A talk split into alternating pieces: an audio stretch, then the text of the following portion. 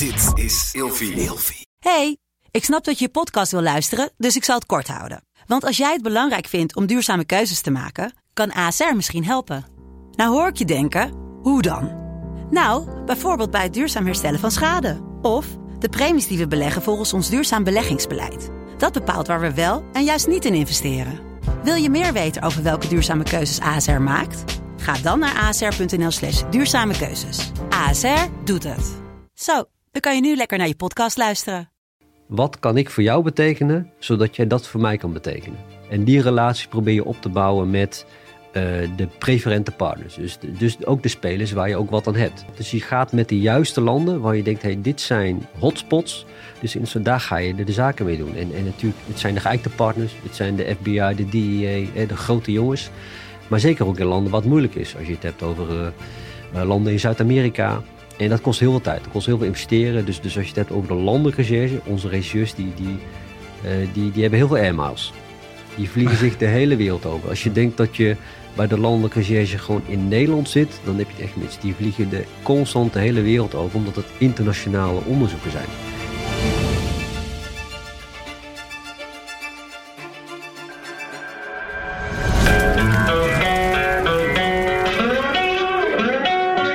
Welkom bij een nieuwe aflevering van Scherpschutters. Heel erg uh, tof dat jullie weer kijken. Ik heb er veel zin in. Vandaag een hele bijzondere gast. En ik moest uh, net al een beetje lachen, want wij weten dat hij uh, Pakiko BBE is. Maar, en alle mariniers zitten nu natuurlijk vol op het puntje van de stoel. Want die weten precies dat er tegenover mij een, een baasje zit, zoals we zouden zeggen. En, maar ja, de mensen die geen marinier zijn, die denken, waar heb je het tegen godsnaam over? Pakiko. ja, dat is, dat is de kreet. Dat is precies wat ik wilde worden toen ik bij het korps kwam. En dat is para-kikker commando. Ja, en dat is het. En uiteindelijk nog BWE, bijzondere bijstandseenheid. Ja. Dus uh, toen ik startte, toen ik uiteindelijk toegelaten werd, toen dacht ik, ja, wat, wat is het ultimum? Nou, dat is dat. En uh, ja, is gelukt. Ja. Is mooi. Ja, is gelukt. Mooi. Het was me gegund. Inmiddels een heel uh, ander pak aan. Dus uh, ja, ik vind het heel erg tof dat je er bent. Het heeft ongeveer anderhalf jaar geduurd voordat we het voor elkaar hebben gekregen.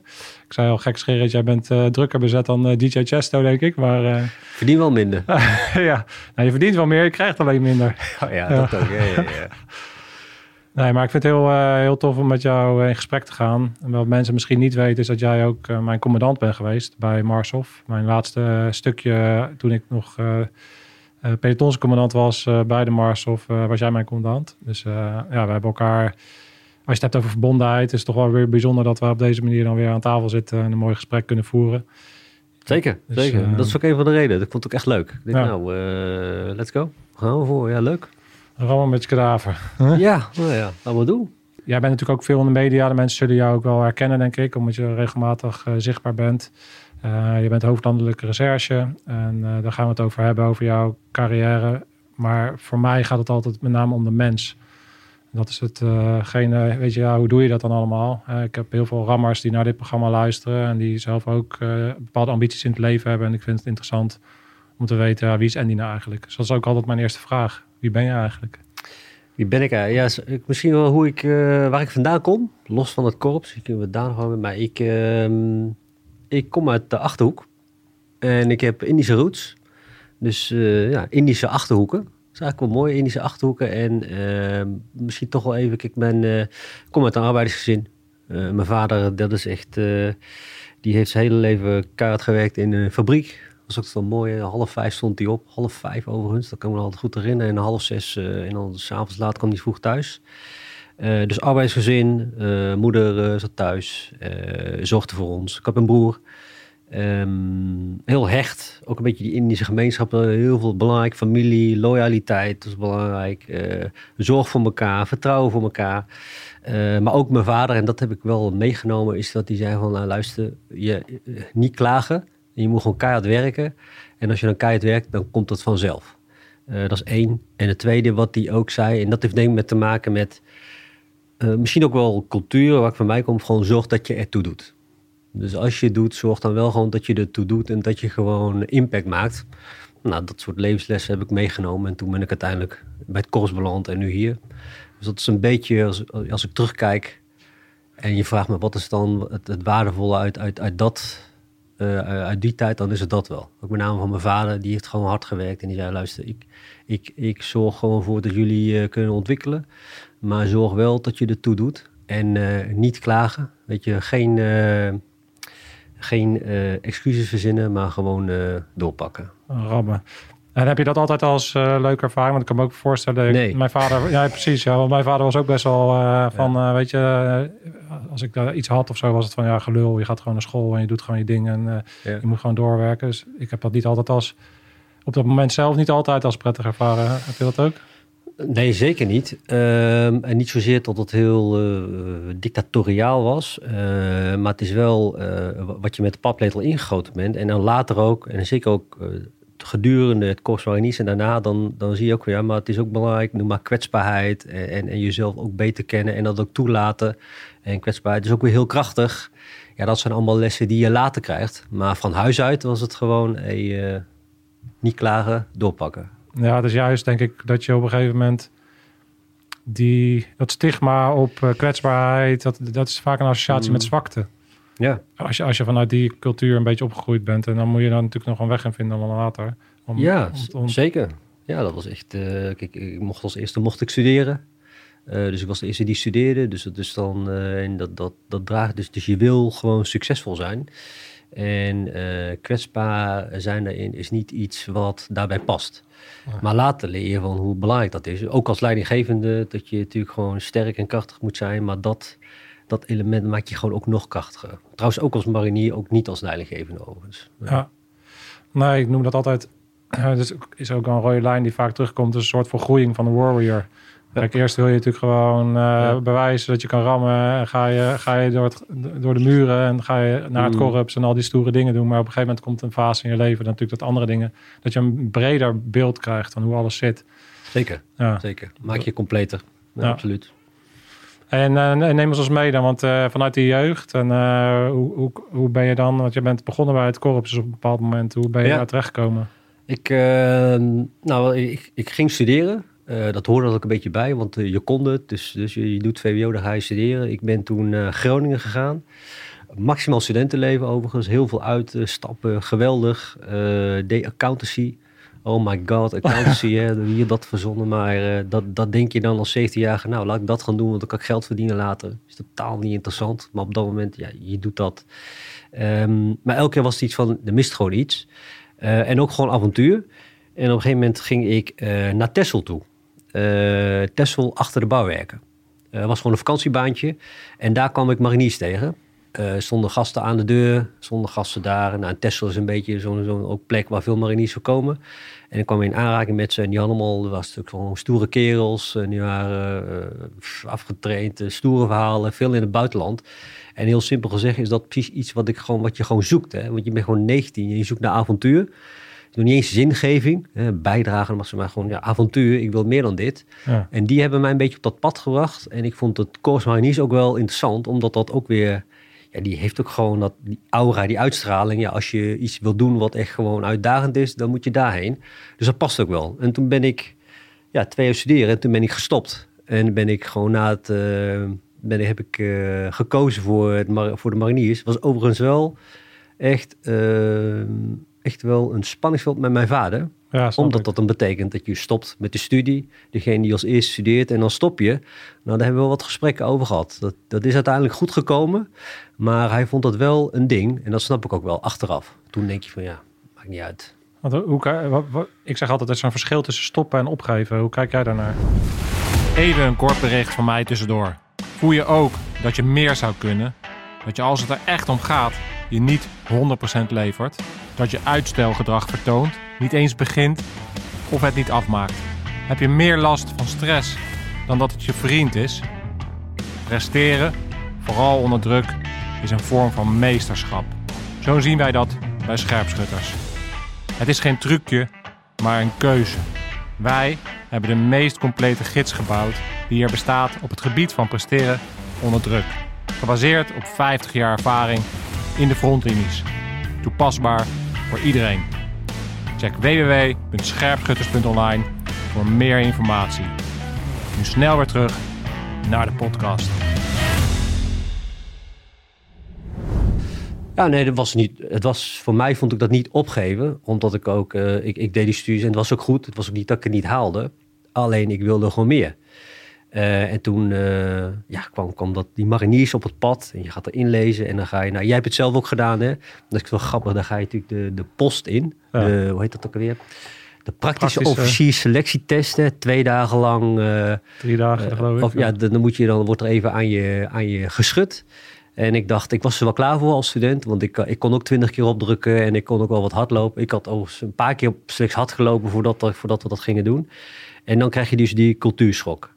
Eh, want het, is, gaat hem niet om twintig keer eh, opdrukken, maar het gaat erom, kan je omgaan met stress? Want dat is precies wat ze doen. Dat is een beetje, weet je, de kamp van Koningsbrug, Special Forces film. Ik moet er ook altijd om lachen. Als ik dat op tv zie, Ja. dan geeft dat allemaal beelden weer van als ik die, die stress in die ogen van die, van, de, van die gasten zie, dan denk ik, jezus, dat is precies wat ze creëren. En, en al die trucjes zijn ook bekend. En dat is precies omdat je helemaal uit je comfortzone getrokken wordt. Dus dat was mijn eerste ervaring met het korps.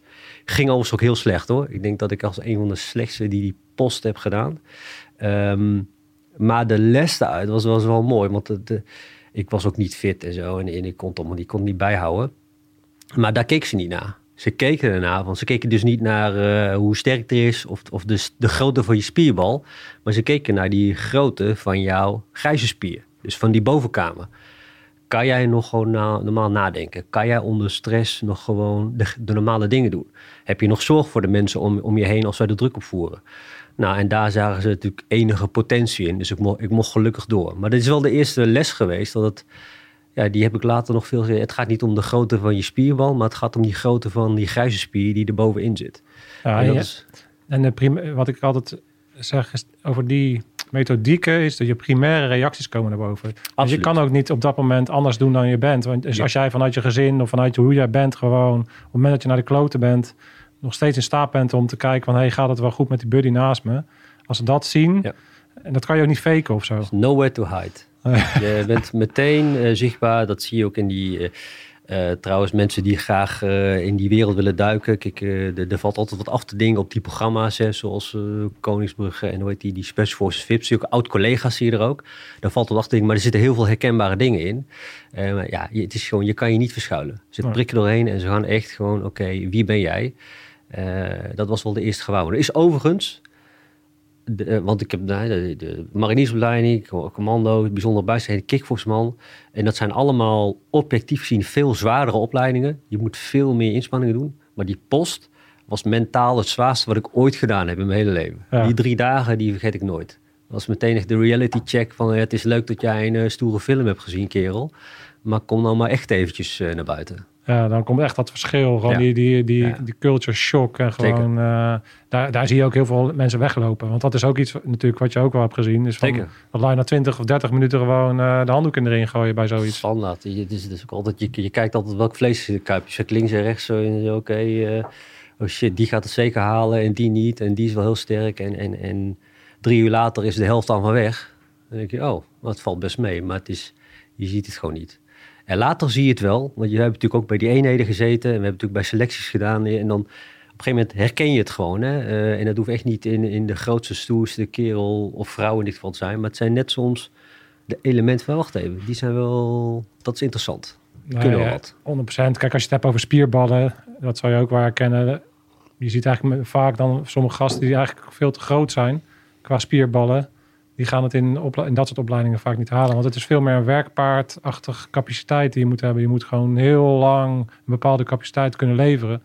En vaak als je te grote spierballen hebt, gaat dat alleen maar tegen je werken. Ja, je, je, eh, volgens mij zijn er een paar dingen die heel vervelend zijn voor mensen. En dat is onzekerheid en oncomfortabel zijn. Want het kan gewoon, en bij zo'n opleiding is het gewoon weer, koud, natte. En die twee, ja, daar kan je op trainen totdat je een ons weegt. Eh, maar dat kan je eh, in handelen of dat wordt heel lastig. En daar prik je een beetje op. Ehm, en ik zie het trouwens ook nu, hè, dus we hebben het dan over het korps. Maar als ik nu dan bij het landelijke dan heb ik, ik heb daar digi's zitten. Dus digitale experts, eh zogenaamde, de, de hackers.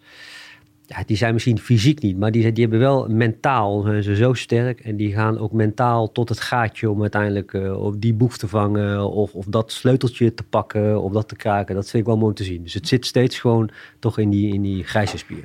Nou, dit is een heel interessant gegeven, want ik heb het laatst had ik ook een hele discussie daarover van wat is nou daadwerkelijk presteren onder drukken. Als je het dan eh, over zoiets hebt, is de me- mensen zien dan vaak zo'n kamp van Koningsbrugge fysieke uitdagingen. Maar als je kijkt bijvoorbeeld toen jij mijn commandant was in die setting, oké, anti-terreureenheid, ehm, tactisch commandant. Waar gaat het dan echt om? Ja, je bent eigenlijk alleen maar bezig met 100 besluiten per minuut nemen, zo'n beetje. Alle Ja. afwegingen maken van alle informatie die op je afkomt. Eh, met beperkte informatie toch durven besluiten te nemen die hele heftige consequenties kunnen hebben. En dat is, dat is, dat, ja, dat is gewoon een soort topsport. En dat heeft Ja. helemaal niks Ja. meer te maken. Ja, je, je basis moet goed zijn. Je, moet, ja, je bent ook, eh, eh, dat, dat ziet iedereen, je bent, jij bent fit. Maar dat is een soort van, dat is gewoon de basics. Het echt, het echte kunnen presteren op een hoog niveau. Zoals, Ja. eh, dan, dan, dan komt het op een andere skill aan. Hè?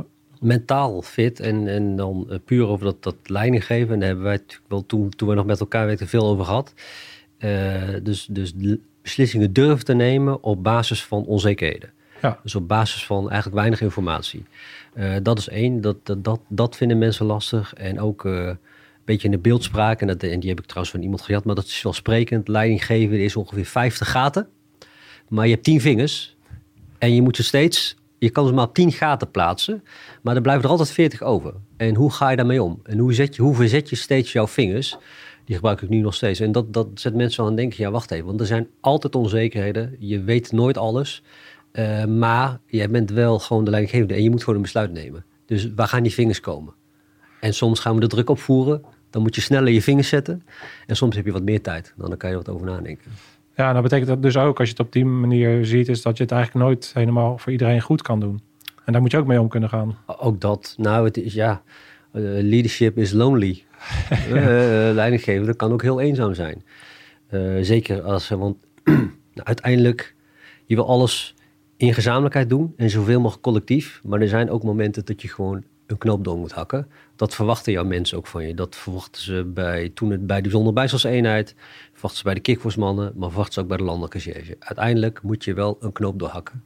En moet je wel koers kunnen bepalen. Dat is ook een beetje over dat leiding geven. Ik, als je ziet het, het Corps Mariniers en waar ik nu zit, dat, de, grootste les op leiding geven die ik daar heb, is dat je eh, leiding geeft vanuit intenties. Dus dat je dus, dus niet zeggen hoe mensen het moeten doen. Dat is wel, hè, je, weet je, het zijn allemaal specialisten. Maar wel heel duidelijk zijn in wat je wil bereiken en waarom het. Waarom je het wil bereiken. Nou, voorbeeld is, vind ik wel een mooi voorbeeld, is die, eh, onze onderzoeken naar die versleutelde communicatie. Ja, het is heel duidelijk waarom. Je wil gewoon inzicht hebben in die criminele eh, wereld. Eh, wat wil je bereiken? Jij wil gewoon de communicatie hebben. Want eh, heb je controle over de communicatie van criminelen, dan heb je controle over de, eh, over die criminelen. En hoe je dat doet, dat is aan hen. Dat is aan de digis, de cyber-experts, de regisseurs. En die gaan aan de bak. Maar wel heel scherp zijn daarop. En dat heb je eigenlijk... Nou, jij moet het herkennen. Je hebt het bij het korps geleerd. Dat is een beetje defensie, commands intent. Daarmee werken, dat helpt wel nu om focus aan te brengen. Ja, dus wel zeggen, wel zeggen wat, maar niet hoe. Ja. Dat Ja, en het klinkt heel simpel. Ja, maar ze zijn, Super moeilijk. ja. Klinkt heel simpel, maar is super moeilijk. Ja, je, noemt net al een beetje de Operation eh, Trojan, eh, Trojan Shield, hè? Eh, waar, we natuurlijk, waar ik ook wel wat vragen over hebben. Laten we de korpsperiodes afsluiten. Als je kijkt, eh, ik, ik begon uh, gekscherend natuurlijk met, eh, met die mooie afkorting Parakick Commander, maar de reden dat ik daarmee begon is toch wel omdat als je kijkt binnen de krijgsmacht zijn dat een soort van de tics in de boxes van als je dat hebt gedaan, ja, dan heb je eigenlijk ook natuurlijk gewoon alle lastigste opleidingen die er te doen zijn binnen Defensie zo'n beetje gedaan.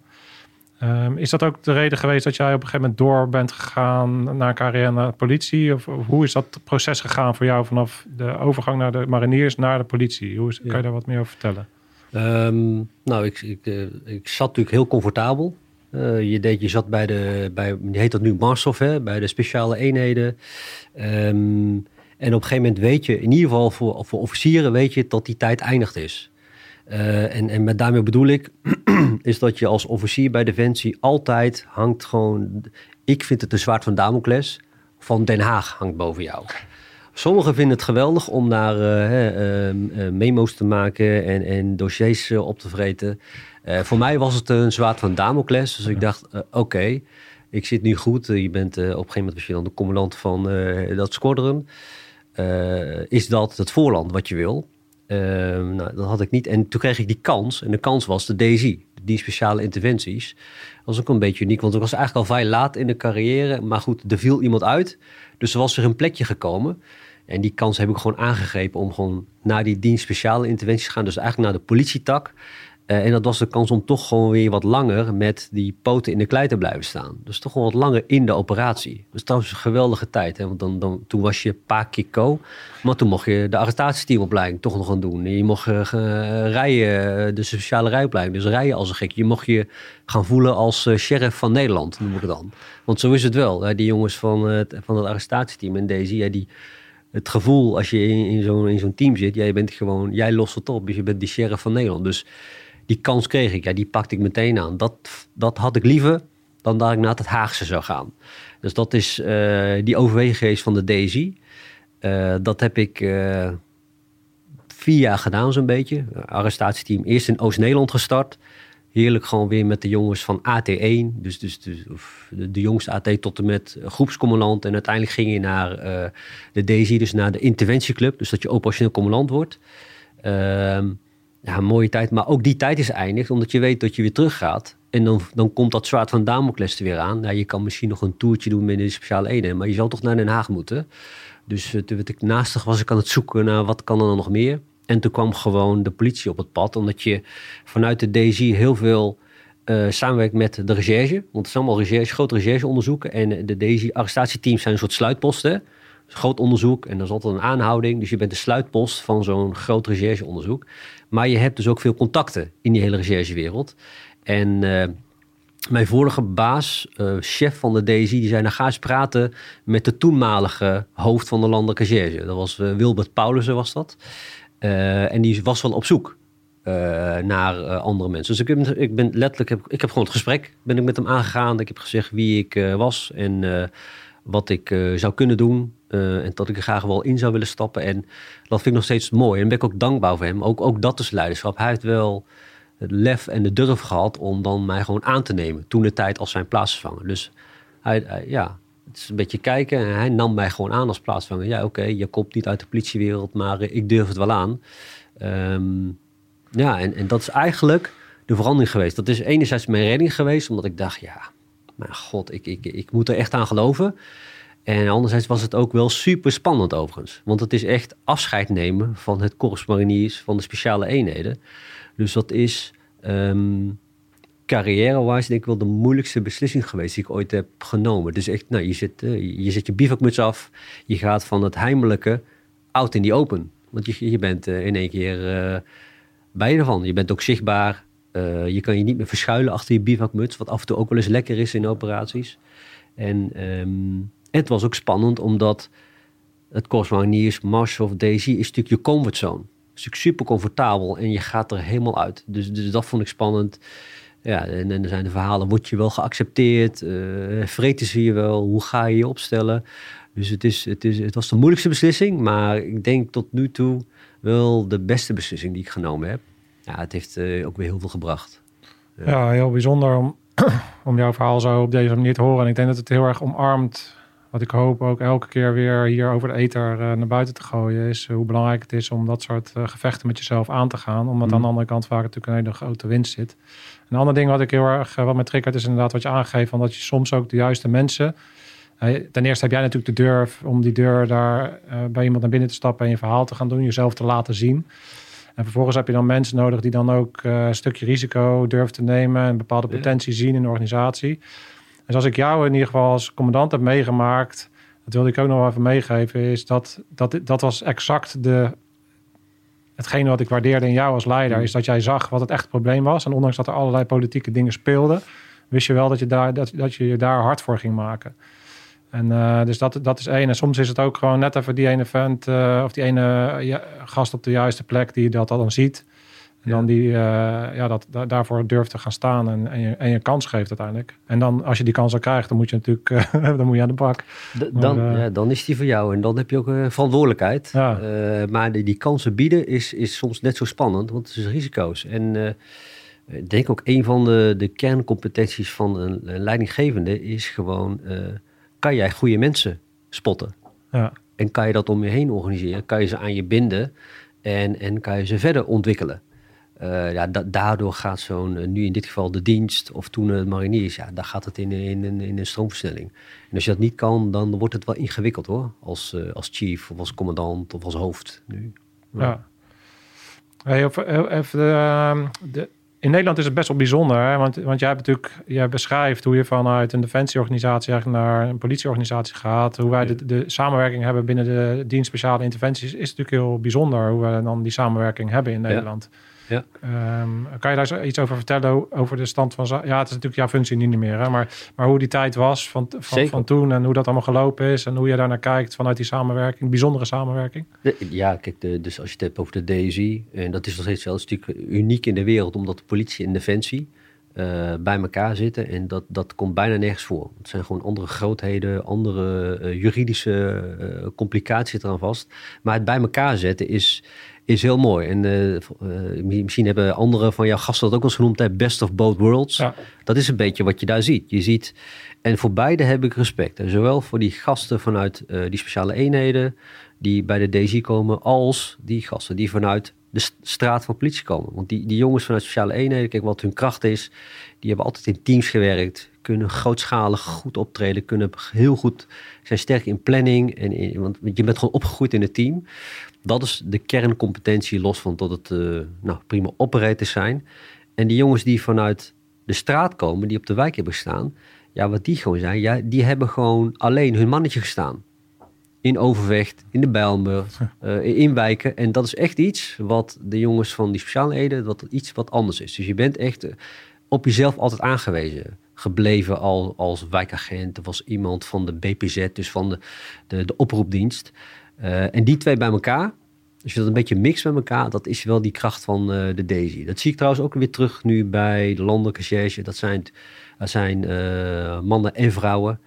Ja, die zijn wel streetwise van Nederland. Ja, die hebben gewoon op straat gestaan. En ja, in die wijken is het soms ook niet best hoor.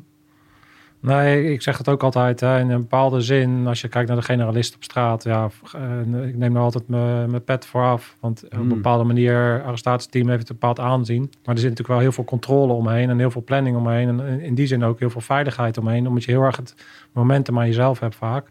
En de generalist die komt in situaties, ja, die, die gaat van, van, van 0 naar 100 en weer terug naar, naar 10 en dan weer naar 100 en alle kanten op. Van uh, iemand die zich opgehangen heeft naar ja, naar een, een geweldsincident, naar een, een troostincident, naar een sociaal evenement, weet je wel, eh, event. Eh, Precies. dus dat is natuurlijk heel, een hele bijzondere sport, uh, tak van sport. Als, als AT, als inzet van een arrestatieteam of Daisy, uh, je weet in ieder geval één ding zeker, jij wint. want dat is, ja, je bent met zo'n overmacht en, en, en, en, misschien wordt het wel wat spannend. En het is natuurlijk gevaarlijk, hè? dus dat is, daar zitten leesbedreigende risico's aan vast. Maar jij als team gaat echt wel winnen. Uh, soms als dien op straat, en, en ik heb het maar een paar keer, heb ik, maar dan moet je meelopen met blauw. En ik vond dat heel erg wel uh, inspirerend, omdat ja, je weet gewoon niet waar je instapt. Nou, tegen, je weet waar je instapt en het is gewoon, nou, het kan de buurruzie zijn, maar het kan de vlam in de pan zijn, of het is een sociaal praatje. Het, dus ik vond dat, en die schakelingen, die, uh, die jongens van de DSI, die hebben dat natuurlijk op straat allemaal meegemaakt. Die nemen dat mee ook in de DSI. Dus die flexibiliteit, ja, dat vond ik wel een krachtig instrument hoor. Ja, en andere krachten, dat was wel mooi. Dat vertelde de Leo van uh, de DSU. Die heeft ook uh, onder andere met Abdesalam uh, ja. was die betrokken. Dat hij heel erg vertelde dat ze in die tijd natuurlijk in 2015 op zoek gingen natuurlijk naar het zwaarder geweldspectrum. Want natuurlijk militairen natuurlijk vanuit huis uit ook meer hebben. Vanuit Af ja, Afghanistan is toch anders dan de Bel. Maar ondanks natuurlijk dat er ook een mate van geweld is, moesten zij heel erg op zoek gaan naar die paracommando's om daar een kennis te halen. En, en binnen de DSU, binnen de DSI zit dat eigenlijk organisatorisch al veel meer.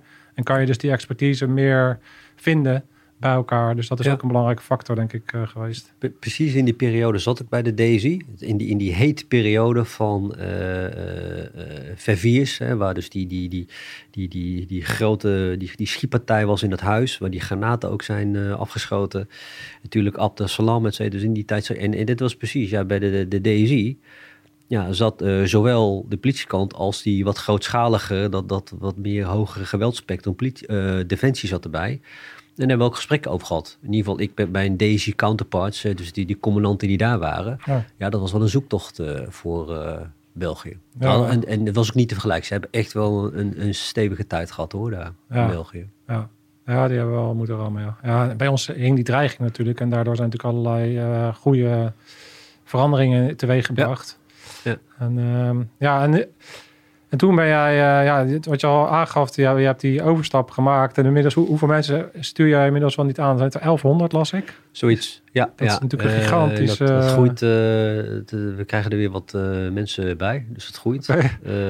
Maar er is ook werk in overvloed. Maar ook dat, het zijn andere grootheden. Ehm, maar ja, het zijn, het zijn 1100, eh 1100 jagers. Het zijn 1100 jagers eh, die je hebt. Het verdeeld over eh, tientallen onderzoeksteams. En dat is dan weer verdeeld over veiligheidsthema's. Dus het merendeel is natuurlijk drugsgerelateerd. Dus dan heb je het over teams die zich focussen op, op cocaïneonderzoeken of op onderzoeken op de synthetische drugs. Dus dat je gaat met drugslabs. Je hebt teams eh, die gericht zijn op terreur. Dus de, CTER-teams, worden dus terreurteams. Cyberteams, maar ook milieu, kinderporno. Dat is ook een heftig onderwerp. Een team dat zich richt op, op kinderporno. Als je het dan hebt over zingeving. Als je het dan hebt over van, hey, wij willen deze dader pakken. Nou, dat zit helemaal ingebakken in zo'n team.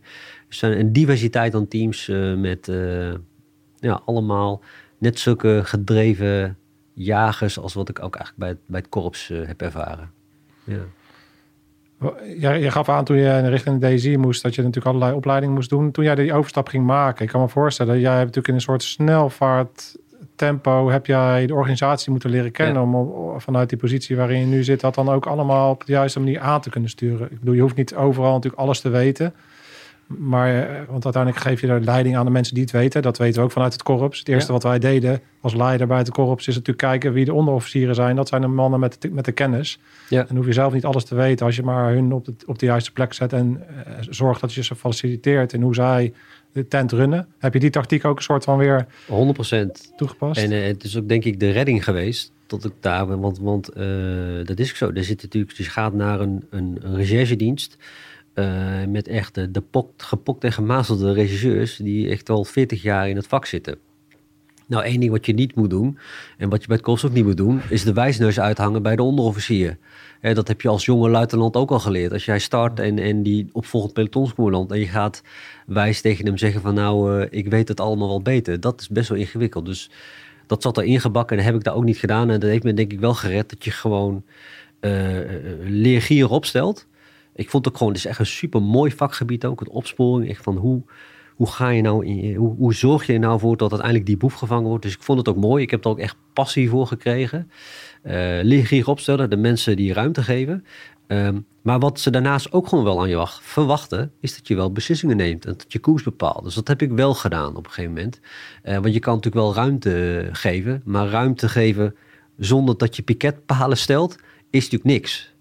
En jij als baas bent er wel voor om koers uit te zetten.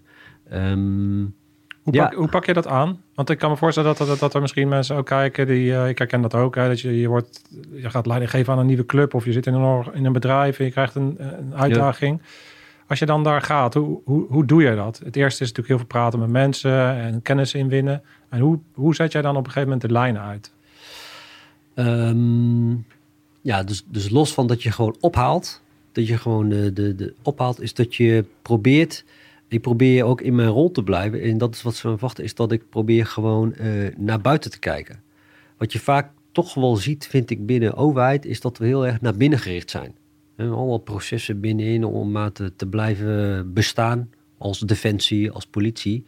Maar het gaat niet om die binnenwereld, het gaat om die buitenwereld. Dus, dus een van de, de, de, de, de zinnen die ik me altijd voorhoud. Kijk, als wij nu dit doen, ja, wordt die boef daar nou zenuwachtig van of niet? Of, of heeft het nou waarde in die buitenwereld of niet? Dus elke keer probeer ik het daarna te relateren en aan daarvan probeer ik dan een koers te bepalen. Eh, want zo is het ook. Ja, ik herken het ook vanuit de, de mariniers, maar ook bij de politie. Ja, dan kunnen we vergaderen tot we ons wegen. Dan gaan we drie uur lang vergaderen. Maar eh, ja, er is geen enkele boef die daar zenuwachtig van wordt. Hè? En in, bij speciale eenheden ook niet. Ja, je, kan eh, wel, eh, wat was het ook alweer, in isolatie gaan. Dus, dus weet je wel, dus de 24 uur isoleren. Ja, maar die, die, tegenpartij wordt echt niet zenuwachtig. Want dat jij eh, je isoleert totdat je in ons weegt. Je moet gewoon naar buiten toe gericht zijn. En je moet gewoon op pad gaan. Ehm, en hoe bepaal ik eh, koers? Ja, dat is, eh, al die informatie bij elkaar krijgen. Weet je wel, 50 gaten, 10 vingers. Dus Ja. je probeert gewoon die juiste 10 gaten te pakken. En ook gewoon durf. Ja, je, je gaat gewoon een koers in. En je weet het, ja. Is het 100% zeker dat dat de juiste is? Dat weten we niet. Dat gaan we gewoon bijstellen. En zo hebben we dat gedurende de jaren dat ik in ieder geval bij de LR, eh, bij de landelijke zit, hebben we dat ook gewoon bijgesteld. Oké, wat is belangrijk? Oh ja, data gedreven. We moeten ons op data gaan richten. Internationaal. Oké, eh, helpt, helpt een internationaal gerichte aanpak ons nou bij het beter, sneller vangen van eh, die kopstukken, die criminelen? Ja, oké, dan gaan we ons daarop focussen. Ehm, systeemaanpak. Eh, gaan we alleen maar richten op personen of gaan we ons richten op hele netwerken? Nee, het netwerk is toch wel handig. Dat is ook een beetje defensie achter. We moeten juist die netwerken eruit gaan trekken. Oké, dan gaan we ons daarop op, op verrichten. Dus zo probeer ik dat steeds maar te vertalen. En dat vind ik ook dan mijn rol. Kijk, mijn rol is niet eh, eh, om te gaan eh, tappen. Dus eh, om te gaan luisteren op de, op Nee, de doe je dat niet meer? Nee, dat heb ik ook nog. Ja, ik heb wel eens meegeluisterd. Ik Ja. Dat is, is overigens ook echt wel gewoon een kunst. Want ik kan je zeggen, als mensen in straattaal eh, vertellen en je tapt, dat is, dat is een kunst voor een regisseur om dat te herkennen wat er echt gezegd wordt. Ehm, maar je moet er niet in verzanden om daarin te. Dat is, dat is hetzelfde als dat ik als toen de tijd bij de marine, of bij jou, dus dat ik dan op, op jouw stoel zou gaan zitten. Ja. Of dat ik naar die operator zeg, nou je moet net dat wapen even beter vasthouden. Ja, als je zegt eh, eh, eh, jezelf beschermen en ook scherp houden op het micromanagen. En continu bij faciliteren van de juiste mensen. Ja. Zodat zij hun werk kunnen doen, maar jij wel genoeg zicht houdt op wat ze doen, zodat je niet verrast wordt, denk ik ook. Hè? En dat je een goede Zeker. informatiepositie hebt. Maar, maar wel richting geven. Ja, En, en dat is soms, eh, daar, hebben we het, daar hebben we het over nieuw leiderschap. En dan moet je natuurlijk mensen erbij betrekken. En, en dat vind ik ook. Je moet gaan eh, in collectiviteit besluiten gaan nemen. Ehm, maar eh, waar het soms spannend wordt, is dat je dan wel uiteindelijk gewoon een besluit moet nemen en richting moet geven. En als dat ontbreekt, dan kan al het andere wel goed zijn, maar dan ga je uiteindelijk nog niet, dan ga je nog niet, dan ga je nog niet die wedstrijd winnen.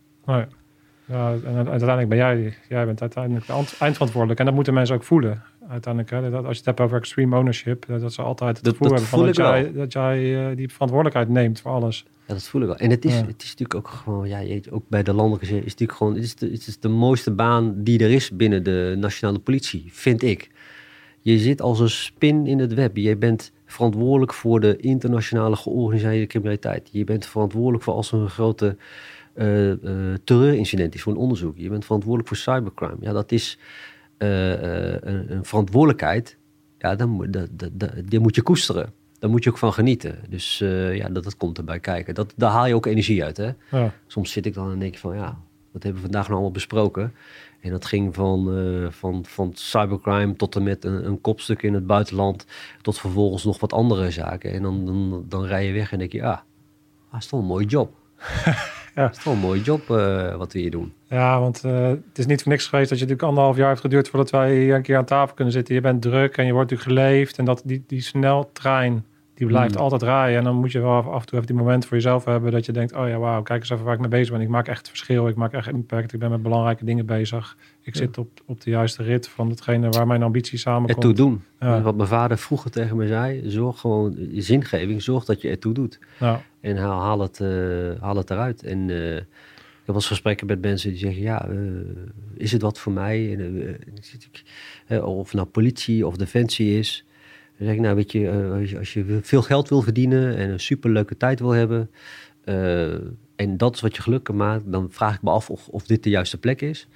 Als je eh, net zoveel leuke dingen wil doen ook, maar gewoon er, ertoe wil doen ook nog, dat steentje mij wil dragen, dan moet je denk ik gewoon die kans wagen om dit te gaan proberen. Want eh, ja, op de Zuidas verdien je misschien meer, eh, maar ik ben ervan overtuigd, hier doe je er meer toe. Ja. En mensen die, en al is het maar voor een tijd. Jij hebt het ook maar, je, je, je hoeft echt, dit is geen lifetime employment, maar doe het gewoon voor een tijd. Ik denk dat lifetime employment ook een beetje oldschool is. Ja. Wie, wie, wie, die, wie, tegenwoordig, als je 18 jaar bent, ga je toch niet voor de rest van je leven ergens tekenen. Wat is dat voor onzin? Dat was misschien vroeger, maar nu niet meer. Maar een paar jaar dit doen, ja, dat is toch interessant. En jij noemde al een zo'n pijler, hè, even terloops, van ja, eh, internationale samenwerking. Kijk, één, ding die mij direct opvalt, natuurlijk, eh, ik heb je natuurlijk wel vanaf de zijlijn uh, volg ik je, is van hé, hey, wat interessant dat jullie dus in staat zijn om zo'n groot kopstuk in eh, Dubai eh, te arresteren en eh, voor het gerecht te brengen. dat kan, kan je natuurlijk alleen maar als die internationale netwerken kloppen. En als je daar de samenwerking hebt. En dus dat is, daar is een heel stuk aan investering aan vooraf gegaan, wat natuurlijk niemand ziet. Zeker. Hoe heb jij dat aangepakt? Toen jij zag van nee, dit is belangrijk, internationaal is belangrijk. Hoe, ga je, hoe heb je dat dan aangepakt en welke samenwerkingen ben je aangegaan? Uh, is, uh, en ik heb het ook geleerd vanuit, uh, in dit geval zeker vanuit sociale eenheden, want alles is gewoon internationale aanpak. wat je daar deed met de kickboxmannen, met als je op uitzending ging, dan, dan, je kent het in de oude NAVO-structuren. soms is het vreselijk hè, internationaal werken, dan, dan, dan, bereik je echt helemaal niks. maar je moet wel, en hoe breng je dat bij elkaar? En in dit geval, weet je, is gewoon investeren in relaties. En internationaal werken vind ik is een vak op zich. Dus het is relaties onderhouden. En het is ook een soort van, uh, dat is bijna koehandel. Wat kan ik voor jou betekenen, zodat jij dat voor mij kan betekenen? En die relatie probeer je op te bouwen met uh, de preferente partners. Dus, dus ook de spelers waar je ook wat aan hebt. Dus ja, ik zou wel, we zouden wel internationale relaties kunnen uh, op doen met ik zou maar geen land noemen, want anders krijg je daar een gedoe over met land X. Maar als daar niks te halen valt, dus je gaat met de juiste landen waar je denkt, hey, dit zijn hotspots. Dus in, daar ga je de, de zaken mee doen. En, en natuurlijk, het zijn de geëikte partners, het zijn de FBI, de DEA, de grote jongens. Maar zeker ook in landen wat moeilijk is. Als je het hebt over uh, uh, landen in Zuid-Amerika. En dat kost heel veel tijd, dat kost heel veel investeren. Dus, dus als je het hebt over de landelijke onze regisseurs, die, die, uh, die, die hebben heel veel air miles. Die vliegen zich de hele wereld over. Als je denkt dat je bij de landelijke recherche gewoon in Nederland zit, dan heb je het echt mis. Die vliegen de constant de hele wereld over, omdat het internationaal onder, internationale onderzoeken zijn. En dat investeert. En soms doe je een onderzoek omdat je weet dat het je partner helpt. Uh, maar dat is gewoon uh, wisselgeld. En op een gegeven moment denk je, nou, het is toch handig dat jij dit voor mij gaat doen. En dan vraag je dat. En, en zo krijg je het voor elkaar dat inmiddels al die kopstukken die we hebben, want we hebben best wel zware, zware Nederlandse jongens, die zitten ook allemaal in het buitenland. Dat is ook, dat is ook het beeld wat je hebt. Ja. Al onze grote spelers uh, zitten inmiddels in het buitenland, zijn vaak niet de makkelijkste landen. Dus dat was al een soort van, oké, hoe gaan we dat dan counteren? Hoe ga je daar een actieplan op zetten? En dat is, oké, dat betekent dat je constant uh, de working relationships met al die landen aangaat. En op een gegeven moment kan je wel gaan collecten, kan je gewoon gaan cashen. En dat is wel een beetje wat, wat nu gebeurt. Ja, Vergt heel veel investeringen op. Ja, investeringen. En, dat, en dat, dat vertaalt zich dan natuurlijk op een gegeven moment in succes ook. En net zoals in die systemen wat je ook benoemde. Ja, het feit dat je daar dus op moet gaan investeren. Wat ook waarschijnlijk mensen zijn die moeilijk te vinden zijn om in dat soort teams te plaatsen. Want daar aast natuurlijk ook de, het bedrijfsleven natuurlijk ook hard op. Ja. Dus dan moet je ook de mensen prikkelen op die zingeving. En zeggen van ja, hier kan je echt wat betekenen om die naar binnen te trekken. Want je kan niet dat salaris betalen wat ze in uh, Silicon Valley betalen. Af en toe kan ik ze een boekenbon geven en dan uh, wordt iedereen... Eh, maar, het, of, of een, maar het gaat echt het gaat echt om de zingeving. En dat zie ik nog steeds. Dat is de passie van die gast die dat liquidatieonderzoek doet... of die jongen van cybercrime... Um, uh, zeker die jongens van cybercrime, die kunnen elders veel meer geld verdienen. Uh, maar die willen heel graag hier, in dit geval hier bij de landelijke recherche werken. Want ze zeggen, ja, het is echt niet voor je leven. Maar voor die zoveel jaar om daar onderdeel van geweest te zijn, om toch te zeggen, weet je, ik was ook gewoon onderdeel van dat grote onderzoek naar versleutelde communicatie. Of ik was onderdeel van uh, die grote rechtszaken die niet plaatsvinden. Ja, dat, dat vind je nergens in het bedrijfsleven. Nee, dat is mooi, ja. Ja, ik moest heel erg denken. Ik heb ook wel eens Marcel van der Ven hier. Die ken je misschien ook nog wel uh, aan tafel gehad. En die vertelde dan uh, in het begin dat we dan een baken gingen plaatsen onder een auto. En als je, ik moest daar heel erg aan denken toen, je, toen dat uh, EncroChat verhaal naar buiten kwam wauw, ja, dat is natuurlijk het is een wapenwetloop eigenlijk tussen de tegenstanders, de criminelen en tussen jullie. Ja. Waarop je continu natuurlijk uh, de andere partij een stapje voor wilt zijn. Want nu zie je dus uh, berichtgeving dat de criminelen bakens gebruiken om luid overvallen. Op de juiste plek eigenlijk. Hè? Dat soort berichten zag ik laatst voorbij kunnen. Oh ja, het is, wel, het is, het is echt een soort van... De, er zijn natuurlijk uh, bepaalde middelen die werken. En jullie moeten daar continu een stapje voor blijven. Dat is, de, dat is de topsport eigenlijk. Dat, dat is sport en het kat en muis spel. Um, maar goed, dan zijn wij wel de kat. ja, ja. Dat is dan wel, uh, ja, het, het, en dat is natuurlijk ook je vakgebied. Hoe blijf je nou steeds, uh, dat was het bij de mariniers ook. En bij hoe blijf je nou steeds die vijand een stap voor? En nu in dit geval is oké, hoe blijf je nou als opsporingsdienst steeds uh, die criminaliteit een stap voor? Ja.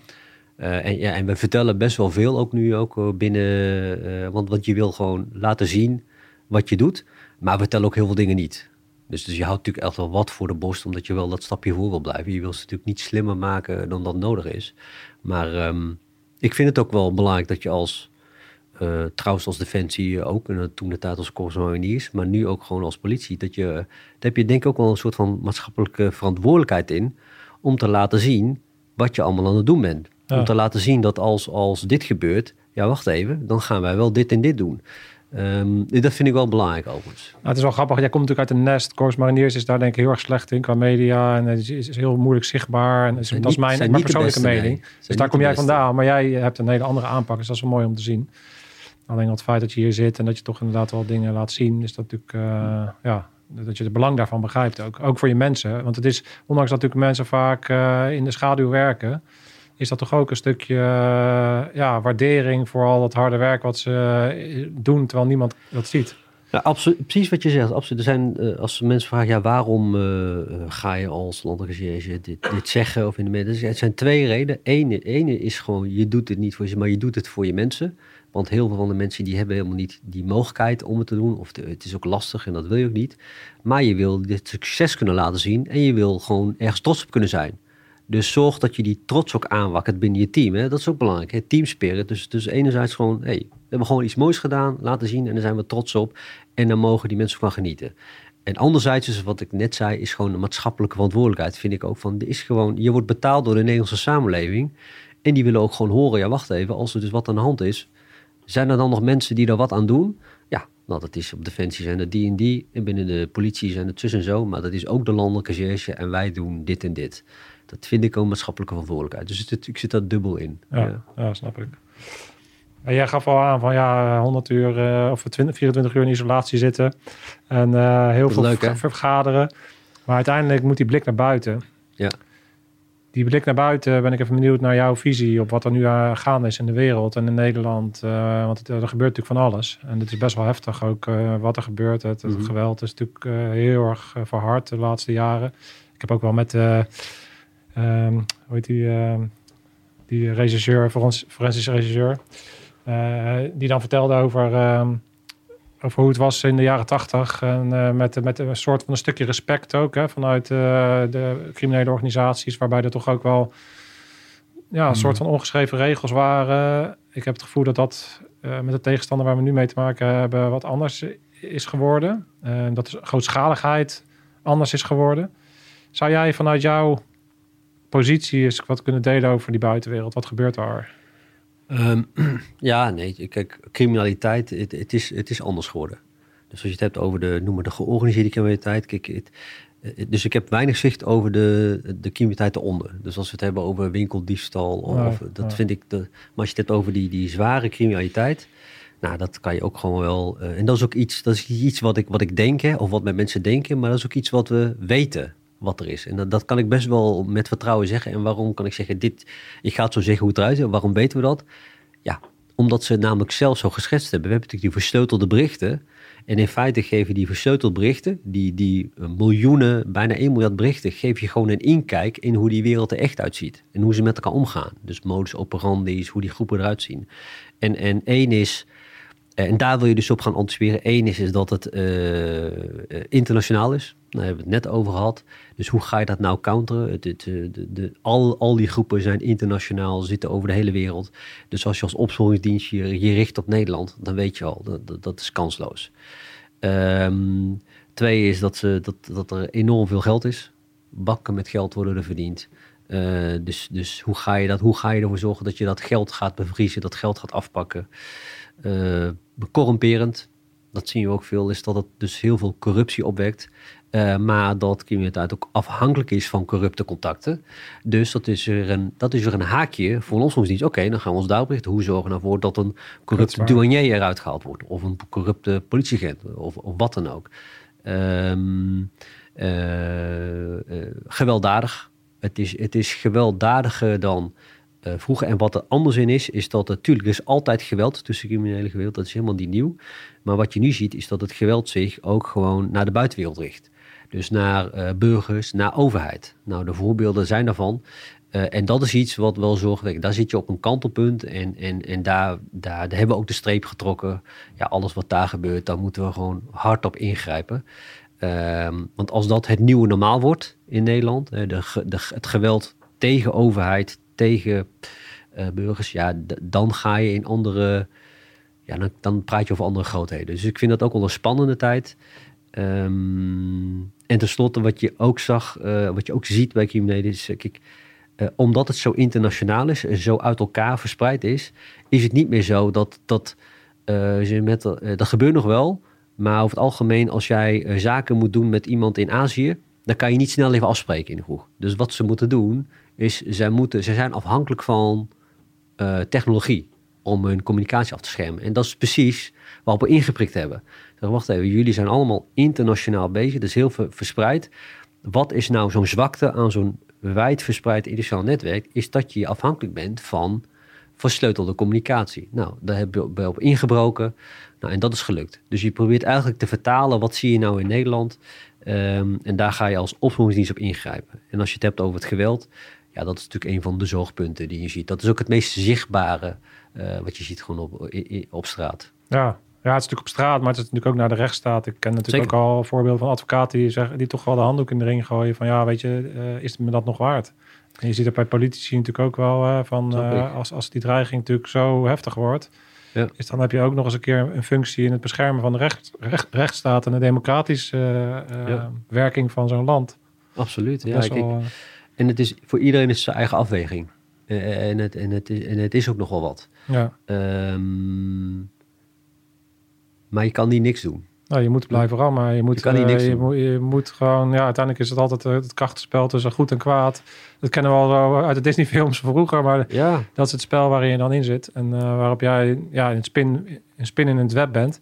Een hele unieke Ja. positie hebt eh, vanuit het aansturen van zoveel goede mensen eh, die aan het werk zijn da- dag en nacht om... eh, dat is een beetje wat ik ook als ik dan van wat zijn dan ook nog meer geleerde lessen uit eh, eh, het Corps Mariniers of uit die speciale eenheden is. En dat wordt natuurlijk met bloed, zweet en tranen wordt het daarin geramd. Is gewoon, eh, weet je, het is leuk, maar opgeven is gewoon geen optie. Wat ga je dan doen? Ga je dan niks doen? Du- Dus, dus ook dat, dat opgeven is geen optie. En je gaat gewoon door totdat die klus geklaard is. Eh, eh, dat is denk ik wat er nu ook gaan is. Dat is, ook, dat is ook de mindset van zo'n landelijke recherche. Ik heb het ergens genoemd, geen bessenplukkers, maar jagers. oh ja, Vind ik ook wel mooi. En dan zeg je, ja, wat bedoel je dan? Ja, kijk, eh, tuurlijk, het is een beetje een grappig zinnetje, maar er zit een hele essentie zit erin. Ja, je geeft gewoon niet op. Jij blijft gewoon doorgaan totdat jij jouw doelen bereikt. Totdat jij die verdachte hebt aangehouden. Eh, totdat jij de aanslag hebt voorkomen. Dat je slachtoffers hebt geholpen. Je geeft gewoon niet op. En dat is die mindset die ik ook zie in eh, wat ik zag bij eh, de bijzondere bijstandseenheid, bij de Daisy, bij de Kickforce-mannen. Eh, diezelfde mindset overigens, die zie ik ook wel hier terug in die landelijke recherche. En dat is mooi. Dat is trouwens ook, denk ik, de belangrijkste factor in succes. We hebben het over, tuurlijk, we hebben techniek, de beste spullen. Ehm, we hebben het over eh, eh, een, juiste focus die je aanbrengt. We hebben de juiste focus, denk ik, de internationale aanpak. Eh, je doet het collectief, we gaan samenwerken. Maar uiteindelijk, het doorslaggevende is toch wel gewoon die mens. Dat is gewoon die mindset, dat je gewoon echt gewoon door wil gaan. En dat is ook trouwens een van de, de, de waarheden van speciale eenheden. Hè? De mens is belangrijker dan, mensen zijn belangrijker dan middelen. Is natuurlijk ook gewoon zo. Hè? Weet je, eh, en, en, en iemand zei ook al, ja, het, het knulletje eh, is belangrijker dan het spulletje. Ja. Dat is gewoon zo. Mens is belangrijker dan middelen. En tuurlijk, middelen die moet je hebben. Eh, wij moeten de juiste techniek hebben. In zo'n kikkerteam moet je de juiste duikuitrusting hebben. Een sniper moet het juiste wapen hebben. Maar die gast die er achter die kijker ligt, die is het belangrijkste. Ook hier. Ja, ik hoop ook, eh, zeker nu de dreigingen dan toenemen en er soms dan ook weer gelden natuurlijk beschikbaar komen, dat die volgorde ook altijd aangehouden wordt. Eerst de mens en dan de spullen. Ja. Want vaak zie je dan een andere eh, omgedraaide dynamiek waarvan ik denk, ja, je moet, eerst, je moet inderdaad altijd beginnen bij de mens. Ja, dan heb je, dat is een andere Engelse, dan heb je all the gear, but no idea. ja, Dan heb je Ja. alle spullen, maar je hebt geen idee. Ja. Hè? Dus eerst die mens, die is belangrijker dan, het, dan die middelen. Ja, ik kan me ook voorstellen dat het soms, eh, want jij komt natuurlijk met een bepaalde rammentaliteit, eh, zo'n organisatie en zo'n eh, stuur dat team aan. Loop je ook wel eens tegen weerstanden aan?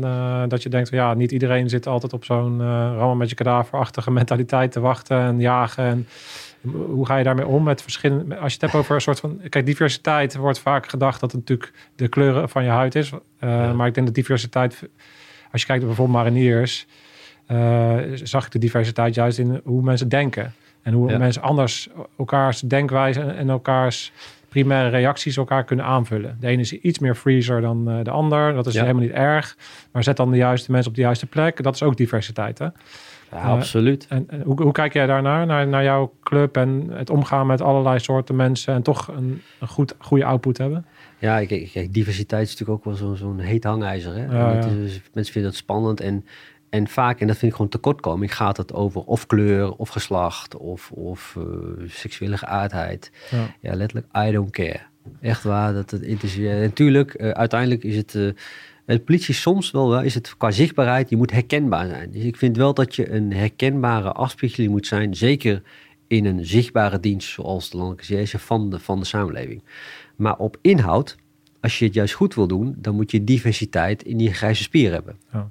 Da- daar gaat het om. Je wil, eh, je wil eh, eh, je- dat is het. Je wil juist die diversiteit in die grijze hebben. En ehm, daar ben ik ook altijd naar op zoek. Dus tuurlijk, er zijn altijd hoe, hoe, neem je nou mensen aan? En ik heb best wel discussies van, nou, wat moet dit keer moet het, weet ik veel, hebben we niet liever een, een, iemand met een, hoe zeg je dat ook weer, met een andere afkomst? Ja, of iemand, ja, weet je. Tuurlijk, ik hou er al rekening mee, maar ik kies gewoon de juiste man of vrouw op de juiste plek. Ja, het was grappig dat jij, ik had een stukje, eh, herinner- ik me nu van jou gelezen, is dat jij die commanders intent eigenlijk op dat thema ook toepast. Het Ja. gaat om de bedoeling. Ja. Ja, Het gaat om de bedoeling en, Ja. en hoe vertaal je dat en pas jij in het team. En als je het team heel mono, eh, mo- monotoon maakt, allemaal dezelfde types in denkwijze, ja, dat is ook geen sterk team. Je, wil, dat ook, je wil juist dat team divers hebben. Maar dat zit er niet altijd in man, vrouw. Ja, ik denk, oeh, ik ga nu spannend terrein op en mensen denken, wat zegt hij nou? Maar ja, dat, dit is wat ik wel zelf geloof. Eh, het zit niet, het zit niet in, in gender of afkomst. Eh, het helpt soms wel, omdat het wel andere cultuur is. Dat is Ja. het ook, ja. Wel. culturele verschillen is, ook, is Ja. natuurlijk belangrijk om binnen je team te hebben. Omdat ook je tegenstander vanuit Zeker. alle culturen komt. En eh, je, Ja. die dan soms misschien dingen mist.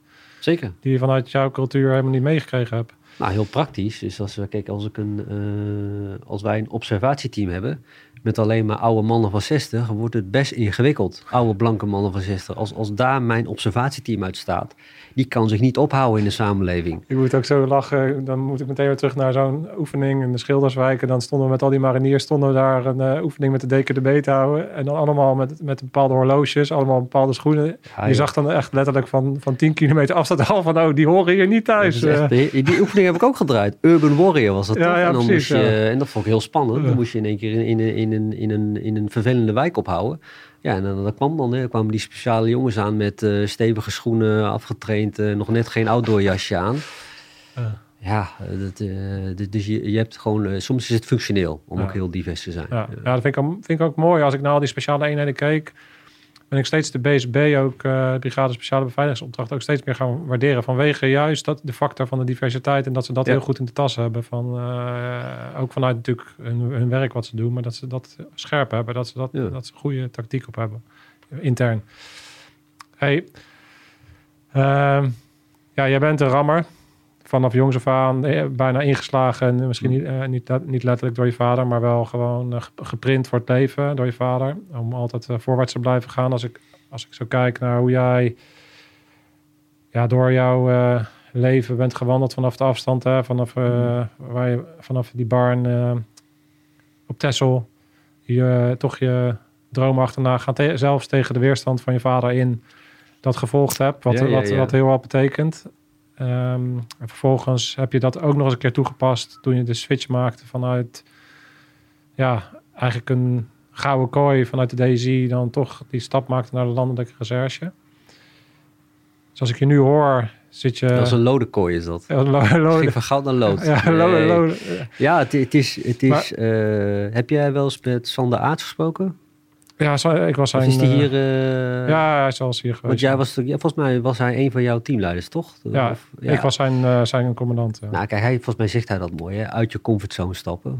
En, en dat, daar gaat het natuurlijk om. Heb jij durf om uit die comfortzone te stappen? Ja. En dan kan je nog heel stoer het allemaal vinden en bedenken en er wat van vinden. En ja, het korps is ook al zo, daar kunnen we klagen tot op ons wegen en ook hier. Maar echt de durf om die stap te zetten Eh velen eh, willen dat, maar niet heel veel die doen dat. Ja, dus dat, ik denk dat dat een hele mooie eh, is om... maar als ik dan nu naar jou kijk, wat is dan nu nog jouw comfortzone? En wat, hoe ga je daar nu dan nog buiten? Met andere, in andere bewoording zou ik willen zeggen, hoe zie jij jouw uitdaging nog liggen? Waar, hoe wil je de landelijke recherche zien ontwikkelen? En hoe zie jij jezelf daarin? En wat ligt daar voor jou in het, in het verschiet? Ehm, nou, kijk, de- kijk, er is voldoende eh, werk. Hè, de georganiseerde criminaliteit, het terreur. Dus, dus er is... eh, ik heb ook echt passie voor dat. Ik vind dat vakgebied ook echt heel mooi. Dus ik denk ook dat ik daar voorlopig nog wel even blijf. Ik kan nog steeds wat ophalen. Eh, en op een gegeven moment ga je misschien wel weer uit je comfortzone. Dan, weet ik veel, dan ga ik een schoenenwinkel beginnen. ja, of dan ga ik... ik, ik weet het niet. Ik, ik, ehm, Een gelmerk, want jouw haar zit natuurlijk altijd... Dat was toen al. Zelfs als jij uit, uit het water kwam als kickforceman, dan, zat je haar nog goed zo. zitten. Ja, maar als, ja, looks count. hè? Daar heb ik ook ergens op. Ja, looks count. Het, natuurlijk, de eerste indruk, die moet wel... Nee, maar ik, ik weet het niet. Eh, ik, zie het, ik, heb, ik heb geen vijf of tien jaren plan. Nee. Ehm, en, eh, en, en nu terugkijkend heb ik het ook nooit gemist. Want het kwam altijd wel goed. Ja. En, en dat, eh, dat geef ik ook soms mee met mensen die zich dan heel erg zorgen maken. Oh, mijn carrière. Nou, bij het korps was het ook vaak. Had je natuurlijk de carrière-tijgers. Eh, dan ben je, wat was het dan, luitenant of kapitein. En dan denk je al na over, ja, wat moet ik doen om, zus en zo. En dan uiteindelijk die kolonelstek te hebben. Ja. En ik doe eens normaal, joh. Je bent helemaal... Ga gewoon doen wat je leuk vindt. Ga gewoon iets doen waar je echt de passie voor hebt en waar je zingeving in hebt. En dan komt dat vanzelf. Zo, zo zit ik er eigenlijk in. Als, je, als je dan naar jezelf kijkt, eh, wat zijn voor jou ontwikkelingspunten waarvan je denkt, ja, dat is dat een te, te persoonlijke vraag, moet ik ook zeggen hoor. Maar van als je zegt van ja, als, als ik mezelf nog zou willen ontwikkelen, zou dat wel op dat vlak eh, zijn waarop ik nog eh, winst zie. Jezus. Ja, dat is meteen is, dit, is dit uitsmijten. Ehm, nou, ik, ik, er zijn in het begin mee gestart, is dat je... iedereen is op een bepaalde manier gebakken. En, en ik ook. En ik ben gaandeweg zijn er dingen zoals nou, het, het eh, tonen van kwetsbaarheid. eh, eh, ook de, de waarde daarvan inziet en de kracht. Dat is iets waar, ik nu, waar je mee bezig bent als ontwikkelpunt. Dus je daarvoor openstellen. Want wij en jij ook zijn gebakken in een, in een cultuur waar je denkt van het, het, wat belangrijk is, is dat je vooral, vooral laat zien hoe sterk je bent en hoe goed je bent. Ehm, dus die andere kant, ja, dat vind ik ook wel interessant. En dan maak je echt wel completer op. Ja, nou, dat is heel herkenbaar. En ik denk dat het ook een heel belangrijk thema is binnen, binnen scherpschutters. Is die volgroeiing van de warrior. Ja. Dat betekent ook dat je die kant durft op te gaan. Ja. En durft te integreren bij jezelf. En eh, daardoor ook weer als leider weer veel completer wordt. Omdat je dan op die manier ook gewoon ja, kan laten zien dat je ook gewoon een mens bent. En dat alles daarbij hoort wat daarbij Zeker. komt kijken. Dus het is wel een jager, misschien een klein beetje bessen plukken. maar dan eh, ook wel gewoon alle, van allebei een beetje. Ja, precies. Blijven, blijven rammen. Ik vond het super gaaf om met jou eh, Ik ook. een keer van leuk. gedachten te Het is wisselen. goed je weer te zien, joh. Ja. Dat is lang geleden. Want eh, heb, ik, heb ik nooit, misschien nooit eh, verteld, maar dat wilde ik toch even met je delen, is dat je hebt het over verbondenheid. Het feit dat wij hier zitten is een stukje verbondenheid. Eh, toen ik wegging bij Marshof eh, had dat natuurlijk allerlei omstandigheden met zich mee vanuit mijn privé. En ik heb het altijd gewaardeerd dat toen ik al weg was, dus ik was eigenlijk een maand of drie weg. En die rijdende trein van Marshof rijdt natuurlijk door. Jij was daar net commandant, dus jij zat ook vol in, de, in die dingen. Dat je toch even, de, al was het vijf minuutjes de tijd nam om even bij mij langs te komen en te checken. Hey gast, eh, hoe gaat het met je? Kan ik iets voor je betekenen? En dat, eh, dat besef jij niet, want jij kan je dat waarschijnlijk niet eens herinneren. Maar ik wil dat wel meegeven voor iedereen die in een leiding op een gegeven positie zit. Is dat het die kleine dingen zijn die je op dat moment doet. Eh, die het verschil maken en wat mensen onthouden. Dus eh, daar, nou, daar wil ik je op deze manier Oh, voor, voor bedanken. Voor dat, voor, je dat dan toch... eh, Mooi. Ja, ik herinner me wel. Ik heb het heel bewust gedaan. Want ik wist dat jaren later je daarmee Ah, terug ja, ja, zou precies, komen ja. met een compliment. eh. Ja, Rammer, Mooi, thanks. Bedankt, jij bedankt.